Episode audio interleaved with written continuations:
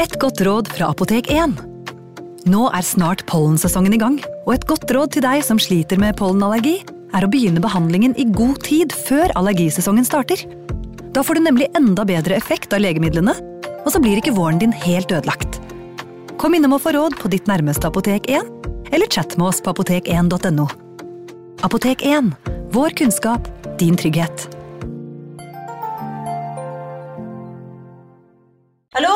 Jeg kommer fra Oslo politikammer.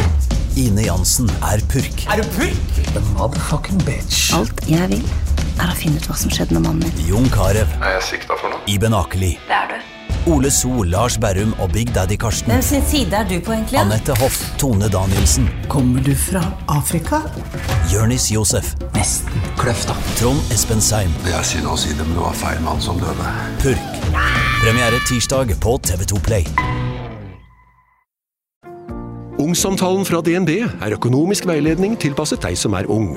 Bokk en ungsamtale på dnb.no. slash ung. Det er kjempebra hvis du skal inn på boligmarkedet, hvis det er drømmen din, liksom. Det er det du skulle sagt. Og så kunne du ropt litt mer, da, sånn som jeg gjorde. Bam! Advarsel.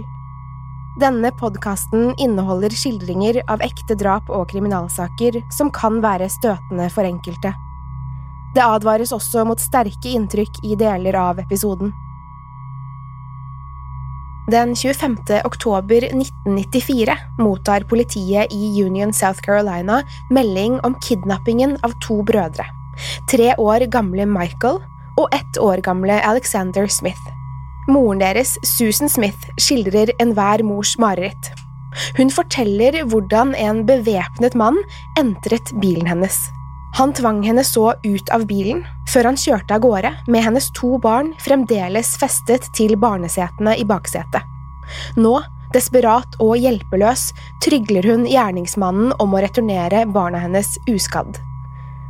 Dette starter en intens leteaksjon som fanger oppmerksomheten til hele nasjonen. Lokalbefolkningen bidrar med sitt, de leter på alle tenkelige steder og henger opp plakater. Saken får ikke bare oppmerksomhet som følge av de tragiske omstendighetene av at to småbarn har forsvunnet, også den antatte gjerningsmannen setter sinnet i kok. Susan Smith beskrev gjerningsmannen for politiet. En afroamerikansk mann i 40-årene, men ingen mistenkte arresteres. Dette er likevel nok til å generere massive spenninger i samfunnet og splid mellom den hvite og fargede delen av befolkningen.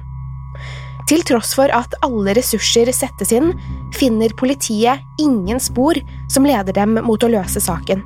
De oppdager i stedet store uoverensstemmelser i Susans forklaringer. Etter hvert som dagene går, begynner politiet og pressen å stille kritiske spørsmål til Susan Smith og hennes historie. For hva hendte egentlig den kvelden 25. oktober? Visste Susan Smith mer enn hun ga uttrykk for om barnas forsvinning? Velkommen til True Crime Podden.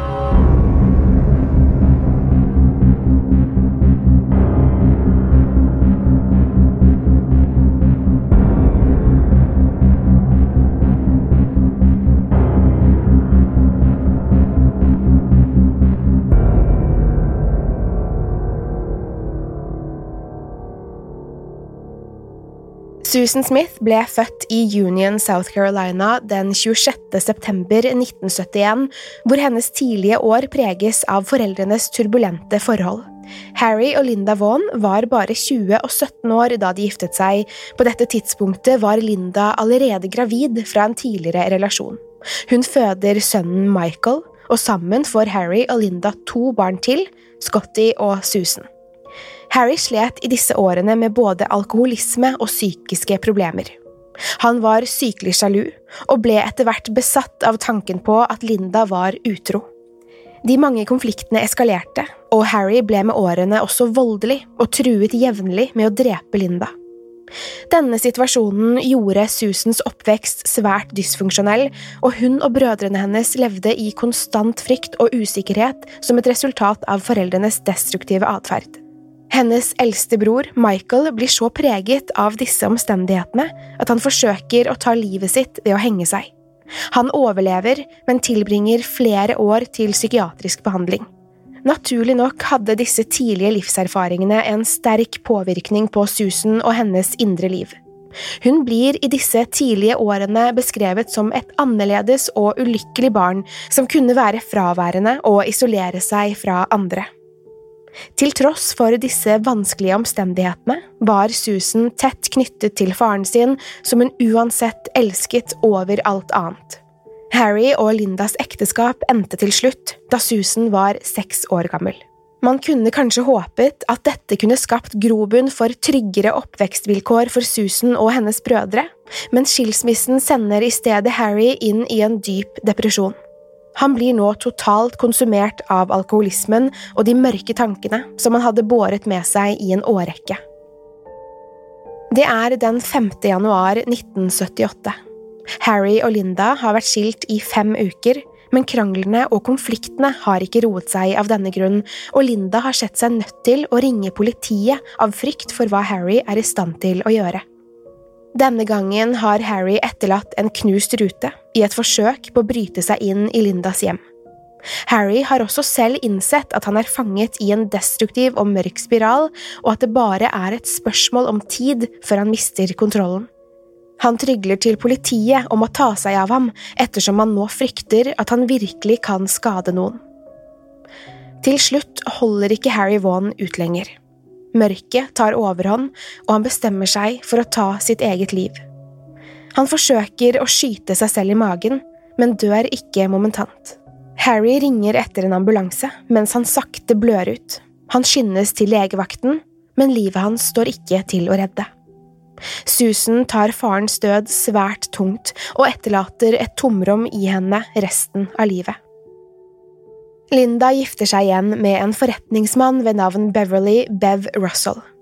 På overflaten virker han som en positiv innflytelse på familien, tilsynelatende en suksessfull og stabil familiemann med en politisk karriere. Familien flytter inn i en betraktelig finere leilighet, og Bev tilbyr dem en økonomisk trygghet de tidligere ikke hadde vært vant til. Men med tiden ville allikevel Bev bli nok en destruktiv skikkelse i Susans liv. Til tross for disse tragiske og kaotiske omstendighetene på hjemmebane, klarer Susan seg tilsynelatende godt på skolen i denne perioden og utmerker seg i flere fag. Susan engasjerer seg i aktiviteter på skolen og i det lokale samfunnet, noe som gjør at hun fremstår både empatisk og ambisiøs. Hun fremstår også mer vennlig og utadvendt enn tidligere, som antageligvis er med på å redusere mange av bekymringene rundt hennes tilstand, men dette var i realiteten kun en fasade som maskerte en dypere usikkerhet. Gjennom årene blir Susan tettere knyttet til sin nye stefar, og hun søker og får stadig mer oppmerksomhet fra Bev. Dette utvikler seg snart til en usunn relasjon, og kort tid før Susans 16-årsdag når dette nye høyder. Susan har sovet på sofaen i stuen hvor også Bev befinner seg. Susan søkte åpenbart en slags nærhet til Bev og klatrer opp i fanget hans, hvor hun så later som hun sovner. Til tross for den etablerte intimiteten mellom dem, blir Susan overrasket over hva Bev så gjør. Han begynner å stryke henne over skulderen, men hånden hans begynner etter hvert å bevege seg ned mot brystene hennes. Hendene hans begynner å beføle henne, åpenbart i en seksuell kontekst, men Susan fortsetter å late som hun sover. Bev griper så hånden hennes og fører den mot kjønnsorganet sitt og begynner å tilfredsstille seg selv seksuelt. Susan er åpenbart sjokkert over dette, men velger å bli liggende mens Bev fullfører overgrepet. Susan forteller moren sin om stefarens overgrep, men hendelsen får ingen store konsekvenser. De gjennomfører noen veiledningstimer, og Bev flytter ut i en periode, men etter noen uker returnerer han, og familien fortsetter livene sine som om ingenting hadde skjedd. Overgrepene fortsetter, og Susan forsøker å søke hjelp. Saken når både offentlige etater og politiet, men virker ikke å få noen konsekvenser for Bev. Linda virket å skylde like mye på datteren sin som på Bev for overgrepene, og var vel så frustrert på Susan for å gjøre det til en potensielt offentlig sak. Antageligvis var Linda en viktig årsak til at Susan ikke fulgte opp disse anklagene. Susans oppvekst og ungdomsår hadde vært sterkt preget av disse mange nederlagene. Den utadvendte og vennlige jenta mange kjente Susan som, var etter alt å dømme bare en fasade, som skjulte en deprimert og sterkt plaget person. Allerede i 13-årsalderen hadde Susan forsøkt å ta livet sitt, og hun ville fortsette å slite med disse selvmordstankene resten av livet. Susan begynte etter hvert å arbeide i et supermarked der hun får vist sin kompetanse og arbeidsmoral, som leder til at hun stadig får mer ansvar. Samtidig innleder hun et forhold til en eldre, gift kollega. Susan blir gravid med denne mannen, men ender opp med å ta abort. Til tross for at hun allerede har innledet et forhold til en annen kollega, blir Susan knust da den eldre, gifte mannen dumper henne. Dette fører henne inn i en ny depresjon, og hun forsøker igjen å ende livet sitt. Susan sluker en dødelig kombinasjon av piller, men overlever, og etter flere måneder med rehabilitering returnerer hun til supermarkedet. Kort tid etter at Susan skrives ut av sykehuset, begynner hun en romantisk relasjon med en ny kollega, David Smith. David gikk på samme skole som Susan. Han var en kjekk, hyggelig og hardtarbeidende gutt, men uten store ambisjoner for livet. I likhet med Susan hadde han hatt en trøblete oppvekst og brøt ut av sin religiøse familie da han var 17 år. Etter å ha truffet hverandre et års tid blir Susan gravid, og de bestemmer seg sammen for å beholde barnet. Dette sender livene deres i en ny retning, og Susan må legge planene sine om college på hylla. Etter å ha funnet en trøst i hverandre i begynnelsen, blir relasjonen deres etter hvert anstrengt og preget av deres ulike bakgrunn. De møter også stor skepsis fra Susans familie, som verken støtter avgjørelsen om å beholde barnet eller har særlig høye tanker om David. Susan og David var 19 og 20 år da de giftet seg. Susan var på det tidspunktet gravid i andre måned. Syv måneder senere føder hun deres første sønn, Michael. Susan og Davids ekteskap var utfordrende fra begynnelsen av. Ansvaret som kom med å ta seg av barn, var krevende i seg selv, men penger ble et av de største kildene til krangel for paret. Susan var betraktelig mer materialistisk enn David og bekymret seg stadig for økonomien deres, noe som irriterte David, som mente at de hadde mer enn nok til å klare seg. De finner aldri noen stabilitet sammen, og David og Susan separerer seg ved flere anledninger. I disse oppholdene innledet Susan relasjoner med andre menn. Når Susan igjen blir gravid med David, forsøker de likevel å gi forholdet en ny sjanse. Susan virker under graviditeten å falle inn i en ny depresjon, og begynner også å vise forakt for de fysiske forandringene hun opplever under svangerskapet. Samtidig trekker David seg unna, og innleder i denne perioden en affære med en kollega, noe som gjør Susan rasende. Susan føder deres andre sønn Alexander, men etter å nok en gang ha gitt ekteskapet en sjanse, går David og Susan til slutt fra hverandre for godt. Susan får seg snart en ny jobb, og det er her hun blir kjent med Tom Finley. Tom var sønn av Susans nye sjef, han var ung, singel og ikke minst svært velstående. Når Susan og David til slutt blir enige om å søke skilsmisse, så Susan en mulighet for å etablere et seriøst forhold til Tom. Tom symboliserte en mulighet for et nytt og bedre liv for Susan, et trygt liv uten økonomiske bekymringer. Men drømmen om dette livet ble snart knust da det ble åpenbart at Tom ikke delte Susans fremtidsplaner. Susan mottar et brev fra Tom Finley hvor han gjør det klart at han ikke ønsker å fortsette forholdet deres. Han skriver at selv om han liker Susan, føler han at barna hennes alltid vil stå i veien for deres relasjon, og han gjør det klart at han ikke er interessert i barn, i hvert fall ikke hennes. I brevet forsøker Tom å oppmuntre Susan samtidig som han hinter om en manglende respekt for henne, og viser til hennes historie med å involvere seg med gifte menn.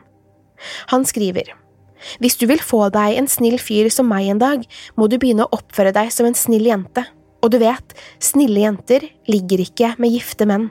Flere spekulerte i om dette brevet og Tom Finleys avvisning kunne være en utløsende faktor for det som så skjedde. Susan hadde i denne perioden begynt å bli dypt deprimert igjen, hun tilbrakte mer tid alene og begynte også å drikke tett. Den 25. oktober er dagen som vil endre Susans liv for alltid. Hun drar på jobb, hvor hun ved flere anledninger forsøker å snakke med Tom, hvor hun forsøker flere taktikker for å vinne hans sympati. I desperasjon forteller hun blant annet en løgn om at hun har hatt sex med Tom Finleys far. Dette sjokkerer Tom, som igjen gjør det klart at deres romantiske relasjon er over for godt. Etter jobb drar Susan for å hente sine to barn.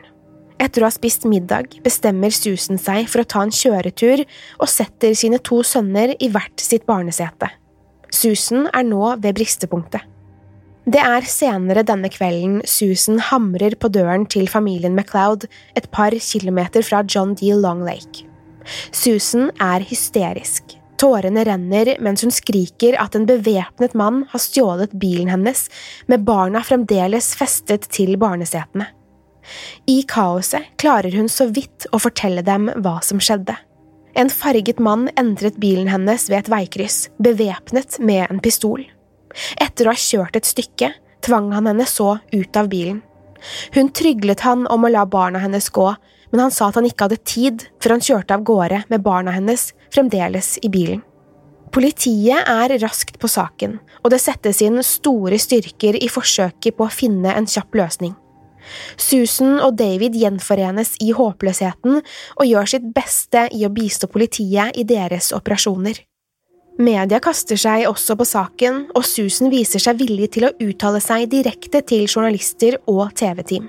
Jeg vil fortelle babyene mine at moren deres elsker dere så høyt, at hele familien deres elsker dere. Dere må være sterke, for jeg bare vet, jeg bare føler i hjertet mitt at dere er ok, men dere må ta vare på hverandre og moren og faren deres er her og venter på dere når dere kommer hjem. Ord som i den daværende konteksten bærer et sårt budskap fra det knuste hjertet til en mor som nekter å gi opp håpet. Midt oppi mediehysteriet fortsetter Susan og David å stille til intervjuer. Gråtkvalt leverer hun en emosjonell appell til gjerningsmannen om å returnere barna deres.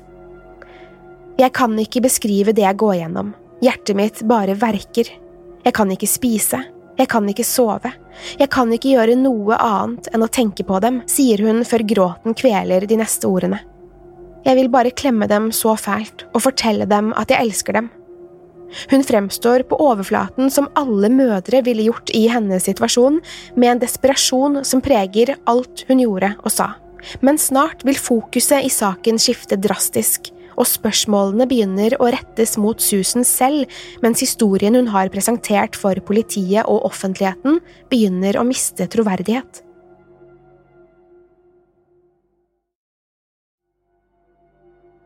Politiet har hele veien avhørt Susan og David, noe som er standard prosedyre når barneforsvinninger og kidnappinger etterforskes. De er raskt ute med å mistenke at Susan holder tilbake informasjon, eller ikke er fullstendig ærlig med dem. En av punktene de bemerker seg, er den generiske beskrivelsen Susan har gjort av kidnapperen. Dette vekker mistanke, ettersom beskrivelsen er såpass vag at politiet nesten ikke kan utelukke en eneste farget mann i området. Susan blir også jevnlig testet med løgndetektortester. David består sin, mens Susan stadig blir tatt i å lyve om visse punkter. Et av spørsmålene som går igjen, er Vet du hvor barna dine er? Politiet konfronterer henne om hva hun vet, men det viser seg ikke enkelt å få sannheten ut av henne. Når hun får vanskelige spørsmål, blir hun aggressiv og avvisende, og nekter for å vite noe mer enn det hun gir uttrykk for. Susans oppførsel i disse avhørene blir også satt under politiets lupe, og særlig hennes tendens til å gråte, tilsynelatende som en forsvarsmekanisme når spørsmålene blir for vanskelige. Både i avhør og under løgndetektortestene hulker Susan uten at politiet eller atferdspsykologene som vurderer henne, ser tårer i øynene hennes. Etter hvert blir det åpenbart for de involverte at Susan spiller et spill i et forsøk på å manipulere de rundt seg. Samtidig begynner politiet å merke mange inkonsekvente detaljer i Susans historie. Vitner kan ikke verifisere at Susan har vært innom stedene hun påstår, kvelden da kidnappingen fant sted. Hun forteller blant annet å ha vært innom Walmart, men når ingen vitner kan underbygge dette, endrer hun historien til at hun kun var på parkeringsplassen.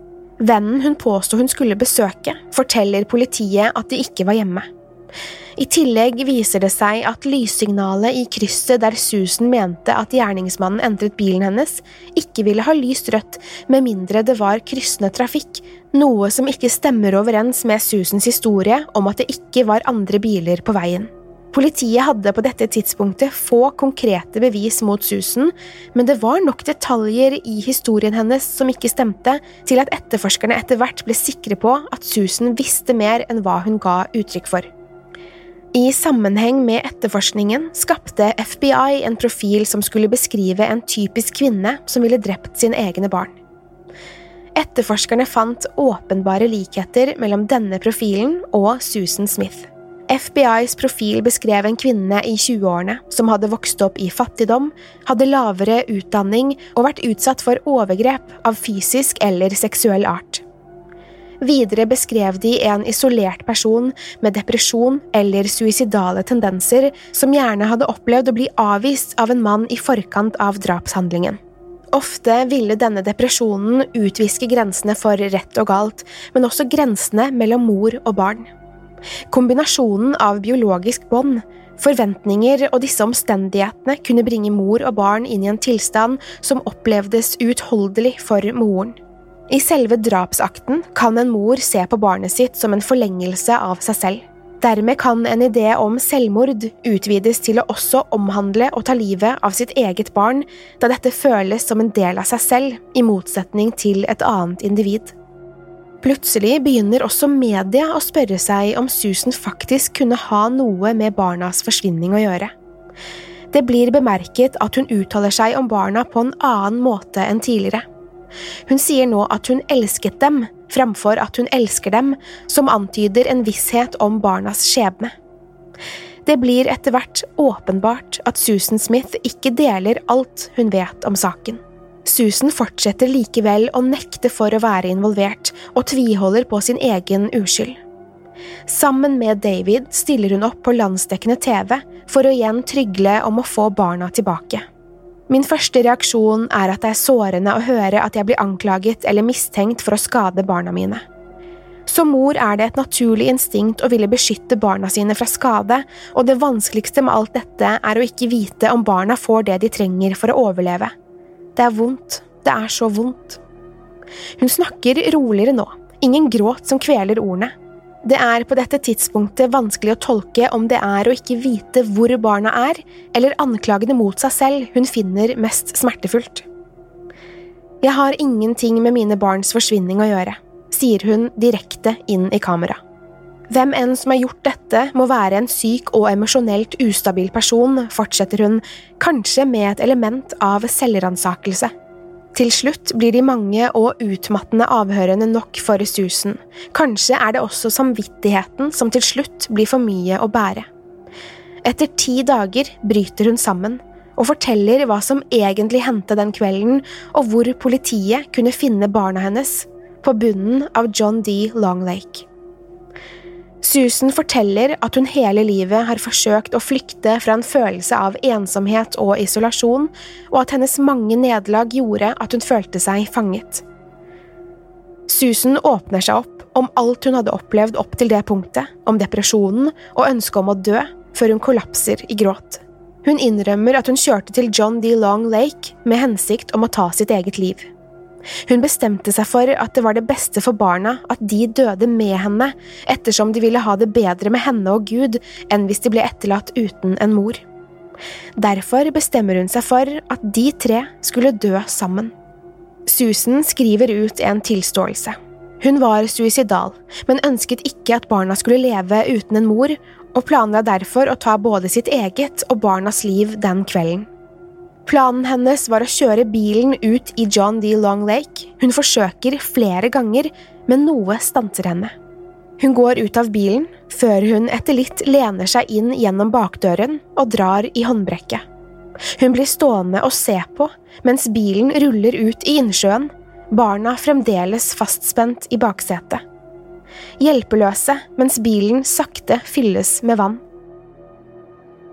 Susan forteller hvor høyt hun elsket sønnene sine, og at hun aldri ønsket å skade dem. Hun skal umiddelbart ha angret da hun rullet bilen ut i innsjøen, men idet bilen begynte å synke ned i vannet, innså hun at det var for sent å redde dem. Til tross for dette beskrev hun hvordan hun planla alibiet sitt mens hun løp mot familien MacLeods hjem. Susan fortalte at hun ikke forventet å bli trodd, og at hun snart ville bli avslørt. Hun hadde forventet at politiet etter kort tid ville finne bilen i innsjøen, likevel forsøkte hun å opprettholde løgnen sin så lenge hun klarte, enten dette var av frykt for konsekvensene eller i troen på at hun kanskje kunne slippe unna. Hun skammet seg åpenbart for hva hun hadde gjort, og beskrev sorgen hun følte, også ovenfor David og hennes foreldre oppi det hele. De søker gjennom innsjøen. I det gjørmete vannet finner dykkerne til slutt en bil som matcher susen sin. Dykkernes lommelykt lyser opp siden av bilen og avslører en barnehånd presset opp mot vinduet. Kanskje hadde Michael forsøkt å rope etter hjelp mens bilen fylte seg med vann, og han innså hva som var i ferd med å skje. I baksetet finner de to livløse kropper, likene etter Michael og Alexander Smith. I bilen fant politiet også avskjedsbrevet fra Tom Finley. Saken sendte sjokkbølger gjennom offentligheten, forsterket av ideen om at en mor hadde drept sine egne barn. Støtten hun tidligere hadde mottatt, transformeres nå til et hat. Folk samlet seg for å uttrykke avskyen de følte, mens de ropte barnemorder etter henne. Hun konfronteres både med barnedrapene, men også med den underliggende rasismen i hennes konstruerte fortelling. Det var for det fargede samfunnet en lettelse at sannheten kom frem, men rettet samtidig oppmerksomheten mot den iboende rasismen i samfunnet og hvor lett det var for mange å godta Susans løgn som sannhet. Susan Smith blir stilt for retten, og aktoratet bestemmer seg for å søke dødsstraff. Forsvaret argumenterer på sin side at dette er en meningsløs straff for Susan, ettersom hun uansett ønsket å dø. I rettssaken presenteres Susans motiv som et forsøk på å gjenvinne Tom Finleys kjærlighet. Aktoratet mente at Susan så barna som et hinder i livet, og motivert av Toms avslag, der barna var en avgjørende faktor, argumenterte de for at Susan hadde drept barna for å gi seg selv en ny sjanse med Tom. Forsvaret legger frem sin historie, som fokuserer på Susan Smiths ønske om å dø, og at barnas død var et resultat av hennes mislykkede selvmordsforsøk. De benytter seg også av Susans trøblete oppvekst og familieliv for å forsterke ideen om hennes trøblete sinn og langvarige trøbbel med depresjon og selvmordstanker. I retten kommer også overgrepene hun hadde opplevd fra stefaren frem, og faktum at disse hadde foregått fra hun var 15 år og helt frem til uker før drapene fant sted. Også farens selvmord og alkoholisme trekkes frem for å underbygge poenget om psykiske lidelser. Til slutt klarer de å overbevise at Susan, til tross for å utad fremstå som en hyggelig og normal kvinne, skjulte dype psykiske problemer som hadde gått ubehandlet hele livet. Susan Smith blir dømt til livstid i fengsel med mulighet for prøveløslatelse etter 30 år. Susan er i dag 48 år gammel og har tilbrakt over halve livet i fengsel. Hun vil i 2025 bli vurdert for mulig prøveløslatelse. Tiden hennes i fengsel har heller ikke vært uten konflikt, og hun har mottatt konsekvenser for både selvskading, bruk av narkotiske stoffer og seksuell omgang med fengselsvakter. Hun beskriver fortsatt sorgen hun føler for barna sine, og føler seg evig torturert av angeren for hva hun gjorde. Hun forteller at det kun er to ting som holder henne gående – en bibel og et fotografi av hennes to sønner. True Crime-podden er produsert av moderne media. Mitt navn er Pernille Tufte Radeid, og jeg vil takke Håkon Bråten for produksjon, lyd og musikk, og Anders Borgersen for tekst og manus. Til neste gang, pass på deg selv og takk for at du har hørt på True Crime Pod.